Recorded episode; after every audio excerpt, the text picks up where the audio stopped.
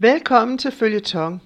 Sidste gang hørte vi oplæsning fra bogen Skjult sorg, varig glæde. Kvinderne i den forfulgte kirke. Bogen er skrevet i 1999 af hollandske Annike Companion, der er gift med Johan Companion, som på det tidspunkt var præsident for Open Doors International. Vi hørte om Alice Yuang og hendes beretning om de lidelser, hun var igennem, da hendes mand igen mere end 21 år sad fængslet for sin tro i Kina. Jeg, Gurli, læser nu afslutningen på beretningen om Alice Yuang og hendes fængslede mand, Allan. Og derefter skal vi høre Nahets beretning fra Cairo. Og nu starter oplæsningen. Ægteskabsløfter sat på prøve. Den sidste prøve, Alice måtte bestå, var fristelsen til at gifte sig igen. Hun kæmpede en overvældende kamp imod ensomhed. Hun savnede smerteligt de varme omfavnelser og opmuntrende ord fra hendes kære mand. Hun var i 30'erne, da Allan blev arresteret. Hun var næsten bange for at drømme om hans frigivelse af frygt for, at den dag aldrig skulle komme. Det var her fristelsen, fristelsen kom ind i billedet. Når hendes venner så hendes endeløse følelsesmæssige ensomhed, prøvede de at introducere hende for eventuelle kærester. Ikke bare var Alice utrøsteligt ensom, hun led også alvorligt under det, at familien var stemplet som antirevolutionær. Hun vidste godt, at den eneste måde at fjerne dette stempel på, var at lade sig skille fra Allan og gifte sig igen med en anden. En god og oprigtig mand tilbød sin kærlighed og støtte. Det var en kamp både åndeligt og følelsesmæssigt ikke at falde for denne venlige opmærksomhed, han viste hende. Smuk og charmerende som hun var, blev Alice ved flere lejligheder tilbudt tøj, penge og andre gaver fra interesserede bejlere. Jeg stod imod fristelsen ved Herrens hjælp, fortalte hun mig. Et anstrøg at tristhed sås i hendes ansigt og afspejlede et øjeblik den smerte, hun havde lidt. Da jeg giftede mig, aflagde jeg et løfte og indgik en pagt for Guds ansigt. At jeg ville elske og ære Allan både i medgang og modgang, i hvad lykke Gud den Almægtige måtte tilskikke os. En efter en fortalte Alice Joang sine bejlere, at hun stadig var gift med Allan, og det ville hun forblive, til hun med sikkerhed vidste, at han var død. Allan Yuang døde ikke. Efter 20 år og 8 måneder kom han hjem igen til sin elskede kone.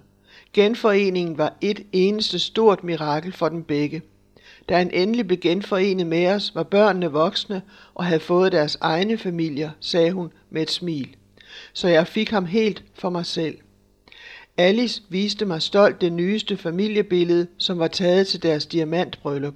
Seks børn og ti børnebørn omkransede det smilende gamle par på billedet. Følger de herren alle sammen, Alice, spurgte jeg. Nogen mere end andre, svarede hun, mens hun trak på skuldrene og smilede trist. Ikke anderledes end hos vores familier i den frie verden, tænkte jeg lidt ironisk. Nu havde de sidste forladt mødet, og det begyndte at blive sent, så det var på tide at bryde op. Og så skriver Annike Johan og jeg havde imidlertid et sidste spørgsmål. Hvad ønsker I, at vi skal bede om for jer? Ægteparets svar burde ikke overraske os. Det var ikke en bøn om fysisk helbred og materielle goder. Det var heller ingen appel om tryghed og beskyttelse mod myndighederne, selvom Alin, Allan og Alice fortsat mødte stærk modstand fra de kinesiske myndigheder. Efter et liv i tjeneste for Herren bad de nu om forbøn for det, som lå dem på hjerte og tyngede dem. Bed om, at flere mennesker i vort land vil komme til tro på Jesus, sagde Allan. Forstår du, det er meget vigtigt, for Jesus kommer snart. Det var så slut på beretningen om Alice og Allan. Og så vil jeg læse videre om Nahet Medvala. Og der står her, uanset hvad det koster. Himmeriget ligner en mand, der søgte efter smukke perler, og da han fandt en særlig kostbar perle, gik han hen og solgte alt, hvad han ejede, og købte den. Matthæus 13, 45-46. I Kairos travle gader sneglede lange sorte Mercedes'er sig igennem gaderne sammen med tungt lastede æselkærer. Kairo er et farverigt historisk turistmål, som byder på en næsten berusende række af indtryk, lyde og lugte. I skyggen af de gamle pyramider vokser Kairos befolkning mere og mere. Men dagliglivets virkelighed i Ægyptens hovedstad finder du ikke i nogen rejseskildring. I denne, en af verdens ældste nationer, er den religiøse spænding dagligdag. For kristne, som er konverteret fra islam, kan Ægypten være et farligt sted at opholde sig. Nahed var født ind i en velstående familie, og hendes slægtninge havde prestigefyldte job, og hårdt arbejdende og ambitiøs som hun var, var hun blevet dekan for de studerende på den største pigeskole i Kairo. Hun fik stillingen 10 år tidligere, end hun burde, med hendes anciennitet. Fordi Nahed var veluddannet, hårdhudet og effektiv, var hun ikke en kvinde, man spøgte med. Selvom hun og hendes mand var blevet som fremmede for hinanden, boede de under samme tag sammen med deres børn. De boede godt. Nahed havde til og med en lejlighed i byen, lidt af en præstation i et land, hvor forlovede par må vente i 4 til fem år, før de får deres eget sted at bo. Og hun havde egen bil, hendes børn, som alle var i 20'erne, så ud til at have fundet deres plads i livet. Hendes søn var ingeniør, en af døtrene er sekretær, og den anden datter er lærer. Problemer med de kristne. I mange år var Nahed en hengiven muslim, som elskede og frygtede sin Gud og hadede de kristne. De tilbad ikke den samme Gud som hende, og de tilbad ikke på samme måde. På grund af dette gjorde hun alt, hvad der var tænkeligt muligt for at skabe problemer for de kristne, som krydsede hendes vej, og specielt udsatte var studenterne og lærerne, som hun dagligt havde kontakt med. På grund af dette var de alle meget bange for hende. I skoleåret 1986-87 blev der udpeget en kristen rektor til Nahets skole. Nahed kunne ikke udstå tanken om at have en kristen chef, så hun gjorde alt, hvad hun kunne for at gøre livet besværligt for hende. Inden længe var det lykkedes for hende at skaffe falske anklager mod rektoren, og det gav ikke denne noget andet valg end at bede om at blive overflyttet til en anden skole. Som sædvanligt havde Nahed vundet. Nahed var en restløs, utilfreds type, og det virkede som om hun skabte problemer uanset hvor hun var. Efter at Nahed var kommet i stridigheder med sin sekretær, som var muslim, ansatte skolen Mary, en kristen kvinde, i hendes sted.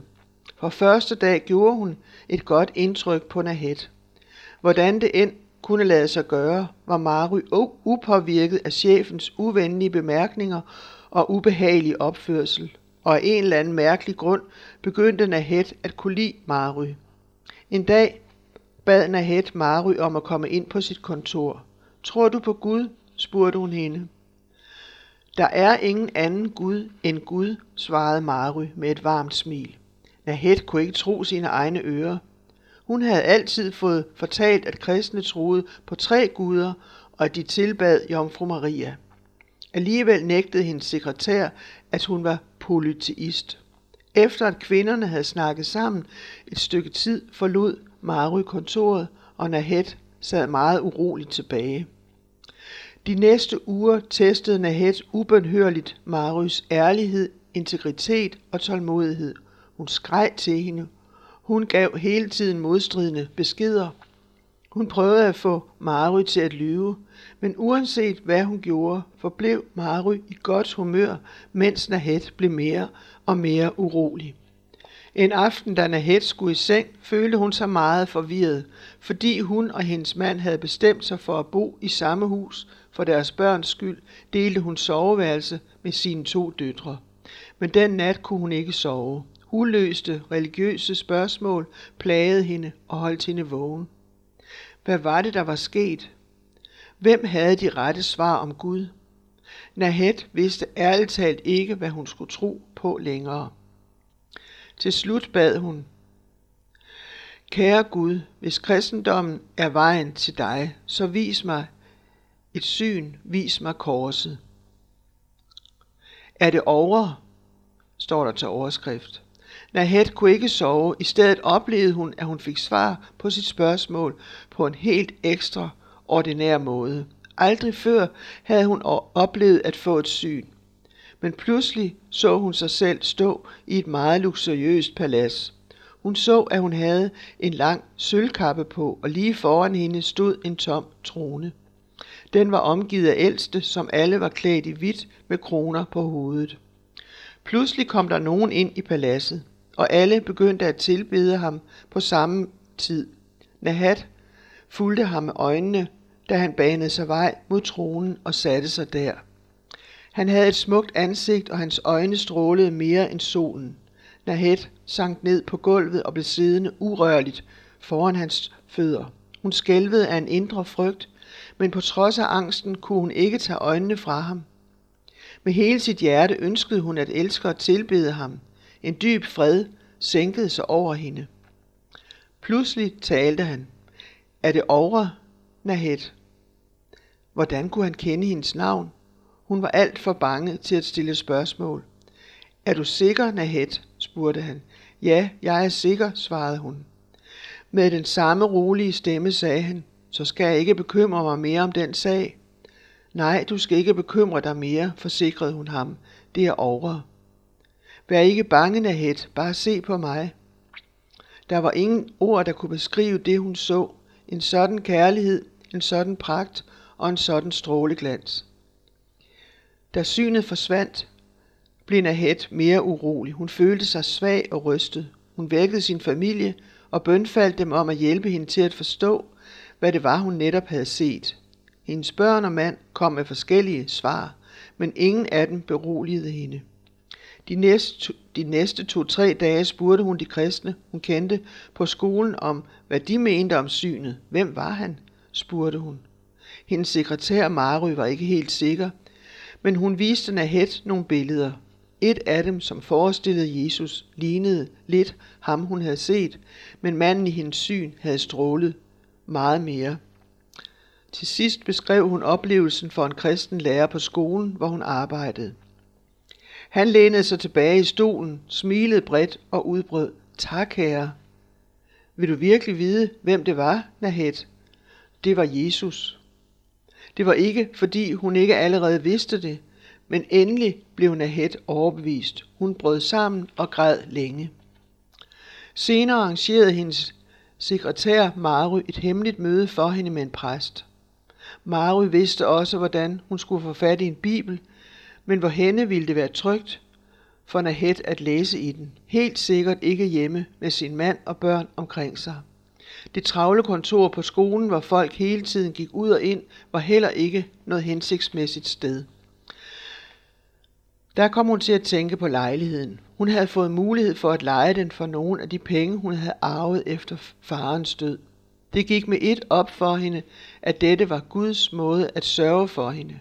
I overvis havde hun, hendes og mand, havde hun og hendes mand levet i et fornuftsægteskab, og efter at hendes børn var kommet i 20'erne, ville de ikke komme med nogen indvendinger, så hun flyttede ud af familiehjemmet og begyndte et nyt liv som en troende kristen. Nu fik hun mulighed for at gå i kirke tidligt om morgenen. Hun kunne fortsætte med at mødes med præsten for at få vejledning i sin nye tro. Hun begyndte at vokse i nåden, efterhånden som Gud gjorde sit forvandlende arbejde i hendes hjerte. På skolen fortsatte alt som normalt i omtrent et år, men det var tydeligt for alle og enhver, at Nahed var forandret. Den gamle, kontrollerende, overlegne og indbilske dekan som de tidligere havde frygtet, var borte. En dag spurgte en af hendes kolleger, hvor er den Nahed, som vi kendte før? Nahed længtes efter at svare, den Nahed, som I kendte, er død, og den Nahed, som står foran dig nu, er et barn af Kristus. I stedet smilede hun bare og sagde, jeg kender Gud meget bedre nu, og det er derfor, jeg har forandret mig. Lad fortiden hvile. Jeg ønsker at leve et nyt liv. Gud fortsatte med at tale til Nahet gennem syner, billeder og drømme. Det var hans måde at undervise hende på og vise, hvad der ventede hende. I begyndelsen af 1989 viste Gud hende, at Jesus havde lidt på korset for hende. Da hun grundede over det, gik det op for hende, at hun måske en dag ville blive bedt om at lide for ham. Hendes tanker gik tilbage til alle de prøvelser, hun allerede havde mødt. Hun havde været syg mange gange. Der var næsten ikke gået et år, hvor hun ikke havde været udsat for en ulykke eller var blevet opereret. Kunne Gud have haft en speciel hensigt med at spare hendes liv?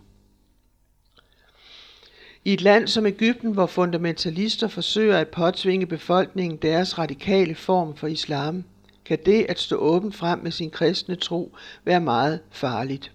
I en periode over flere uger lagde Nahed mærke til, at portneren i hendes boligblok fulgte nøje med i hendes mindste bevægelser.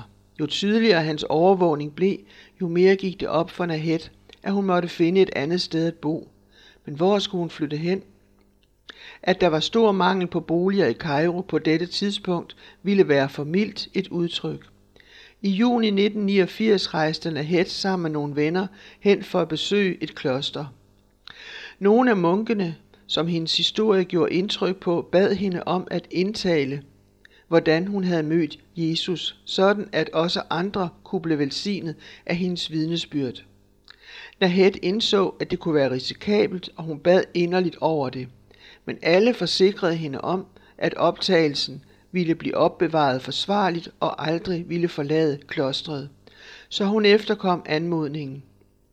Da Nahed kom tilbage til skolen efter sommerferien, mærkede hun, at noget var galt. Folk var kolde og uhøflige. Det virkede, som om selv hendes kristne venner holdt sig på afstand af hende. Hvad er der sket? spurgte hun Mary. Til at begynde med, vågede Mary ikke at snakke med hende, men til sidst trak hun hende til side, hvor de kunne snakke uforstyrret. Det er på grund af optagelsen, viskede Mary. Hvilken optagelse? Hvad snakker du om? Jo, der hvor du fortalte om de syner, du havde. Du ved, det du, øh, det du lavede i klostret. Nahet blev skrækslagen. Optagelsen, hun havde indtalt hos munkene, var blevet kopieret og delt ud over hele landet. Det, der gjorde det ekstra frygteligt, var, at hun havde nævnt flere af sine kristne kollegers navne. Så nu vidste muslimerne det også.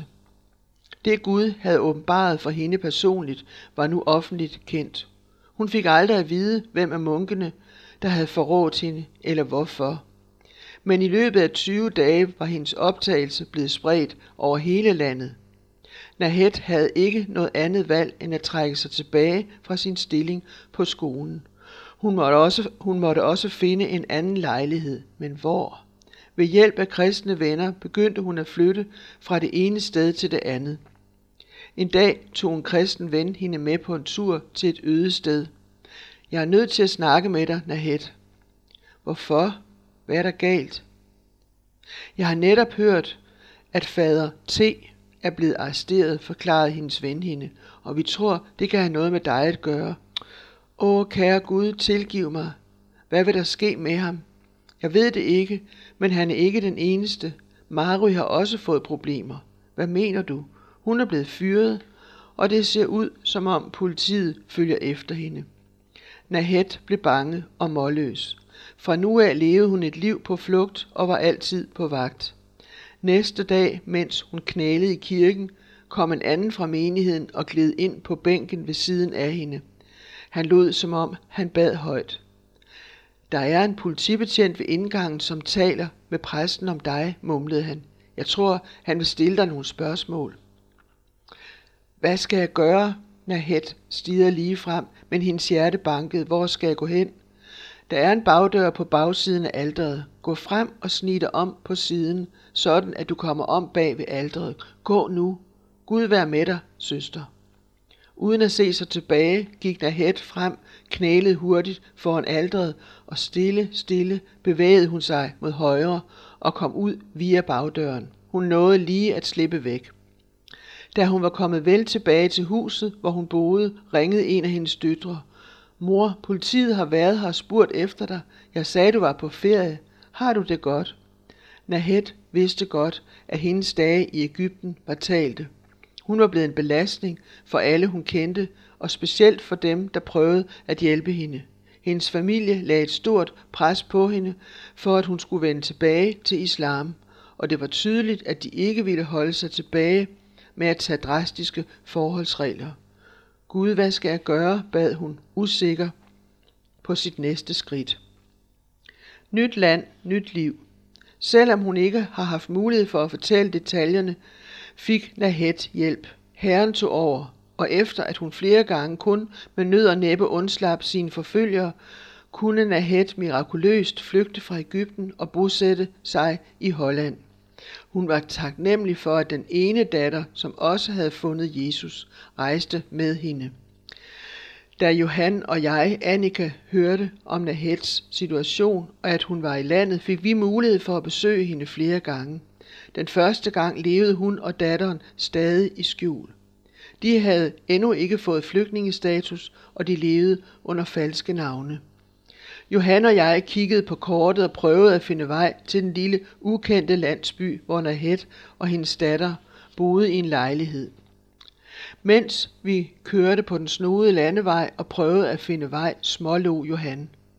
Nu er de i hvert fald trygge. Ikke en eneste politibetjent i verden kan finde dem helt herude. Vi blev rørt, da vi så, hvordan de to kvinder, som engang havde levet i overflod, nu boede. Rummet var sparsomt møbleret. På væggene hang nogle få billeder. Ellers havde Nahet og datteren mistet alt. Isoleret på dette landlige sted i et fremmed land, var de adskilt fra alle deres kære. Det var en stor udfordring for dem at kommunikere med andre. Det hollandske sprog er ikke let at lære. De må have kedet sig frygteligt uden at kunne gå på arbejde og uden nogen kendte tv-programmer eller andre adspredelser. De lokale kristne tog sig af dem så godt de kunne, men de måtte være forsigtige. Nahed var stadig ikke uden for fare. Situationen bedrede sig gradvist. Næste gang vi mødte hinanden, var Nahed flyttet til Leiden. Jeg vil helst, at de kalder mig Nahed nu, sagde hun. Jeg foretrækker at bruge mit eget navn, nu hvor jeg har fået flygtningestatus. Hun fortalte os entusiastisk om den koptiske kirke i Amsterdam, hvor hun kommer nu. Og jeg har til og med fundet en egyptisk ven, som bor i nærheden, smilede hun. Nahed betroede mig noget, som lå hende meget på hjerte. Da jeg var i Ægypten, fortalte hun, lige efter at jeg konverterede, talte Herren til mig igennem apostlenes gerninger 2.16. Men rejs dig nu op på dine ben, for jeg har vist mig for dig netop for at udvælge dig til tjener og til vidne, både om det, du har set, om det og om det, jeg vil lade dig se. Jeg undrede mig meget over, hvad han mente dengang. Var det optagelsen med mit vidnesbyrd, eller var det en anden tjeneste, han havde til mig? Hvad tror du nu? Har han fortalt dig noget mere, spurgte Annike. Jeg har bedt over det i længere tid, og jeg tror, jeg har hørt ham tale til mit indre. Nej, dette er ikke afslutning på din tjeneste, men du forstod ikke, hvad jeg mente, da jeg talte til dig i synet. Vær ikke bange, bare se på mig. Du er stadig bange, Nahed. Du ser på mennesker. Jeg siger igen til dig, vær ikke bange, stå op. Du skal være mit vidne og min tjener. Hvad er det, han vil have, du skal gøre, Nahed? Hun rystede usikkert på hovedet. Jeg ved, at han ønsker at bruge mig men ikke hvor eller hvornår. Så står der til overskrift den kostbare perle. Johan og jeg havde ikke nogen enkle svar at give hende, men vi forsikrede hende om, at Gud ville åbne de rette døre, når han mente, tiden var inde. Det eneste, du kan gøre for øjeblikket, sagde Johan til hende, er at være trofast der, hvor Herren har sat dig nu. Vær trofast i menigheden, mod mennesker i dit nabolag og mod dem, du bor sammen med. Gud ønsker først og fremmest, at vi vidner for mennesker omkring os. Ikke længe efter, at vi havde besøgt hende, ringede Nahed. Gæt hvad der er sket, Anneke. Jeg er blevet inviteret til at tale i USA. Hun havde fået udleveret sine udrejsepapirer, og hun skulle rejse rundt i USA for at tale i forskellige egyptiske kirker der. Et stykke tid senere deltog hun i et dokumentarprogram på hollandsk fjernsyn, hvor målet var at nå de hollandske muslimer med evangeliet. Så du begynder at få nogle svar. Jeg glæder mig over at høre hendes gode nyheder. Ja, endelig. Hører du noget fra din familie, Nahed? spurgte jeg. Hendes familie vidste nu, at hun boede i Holland. Ja, svarede hun stille. For ikke særlig længe siden ringede min søn til mig. Han prøvede at overtale mig til at komme tilbage til Ægypten. Han sagde, at alt ville blive tilgivet og glemt, hvis jeg blev muslim igen. Jeg har bragt skam over familienavnet, og de er forpligtet til at gøre alt, hvad de kan for at få mig til at vende tilbage til islam. Jeg forstår det, men det var meget svært for mig at høre min søn sige, at han elsker mig og længes efter, at jeg skal komme hjem. Nahets stemme var følelsesladet. Jeg kunne godt forstå, at fristelsen til at vende tilbage var meget stor. Nahed er meget, meget glad for sine børn, og det er sikkert meget fristende at flytte tilbage til hjemlandet. Når jeg ser tilbage på de samtaler, jeg har haft med Nahed, bliver jeg mindet om lignelsen om den kostbare perle. Det forstod Jim Elliot også for flere årtier siden, da han rejste til Ecuador for at nå Auca-indianerne med evangeliet. Han er ikke dum, når han offrer det, han ikke kan beholde, for at vinde det, han ikke kan miste. Denne unge missionær og fire andre måtte betale med deres liv. Men i dag findes der en menighed blandt Auka-indianerne. Den samme sandhed bekræfter Nahet med sit liv. Igen og igen siger hun, jeg vil aldrig give slip på Jesus. Når man tager i betragtning, hvad hun har gennemgået, mister hendes ord aldrig evnen til at røre mig dybt. Sidst vi snakkede sammen, bad jeg en stille bøn, efter at vi havde sagt farvel. Herre, hjælp mig til at være tro imod dig, uanset hvad det måtte koste. Hjælp Nahet til at opfylde din vilje med hendes liv. Det er alt, hun ønsker at gøre, Herre. Det er faktisk alt, hvad hun har tilbage.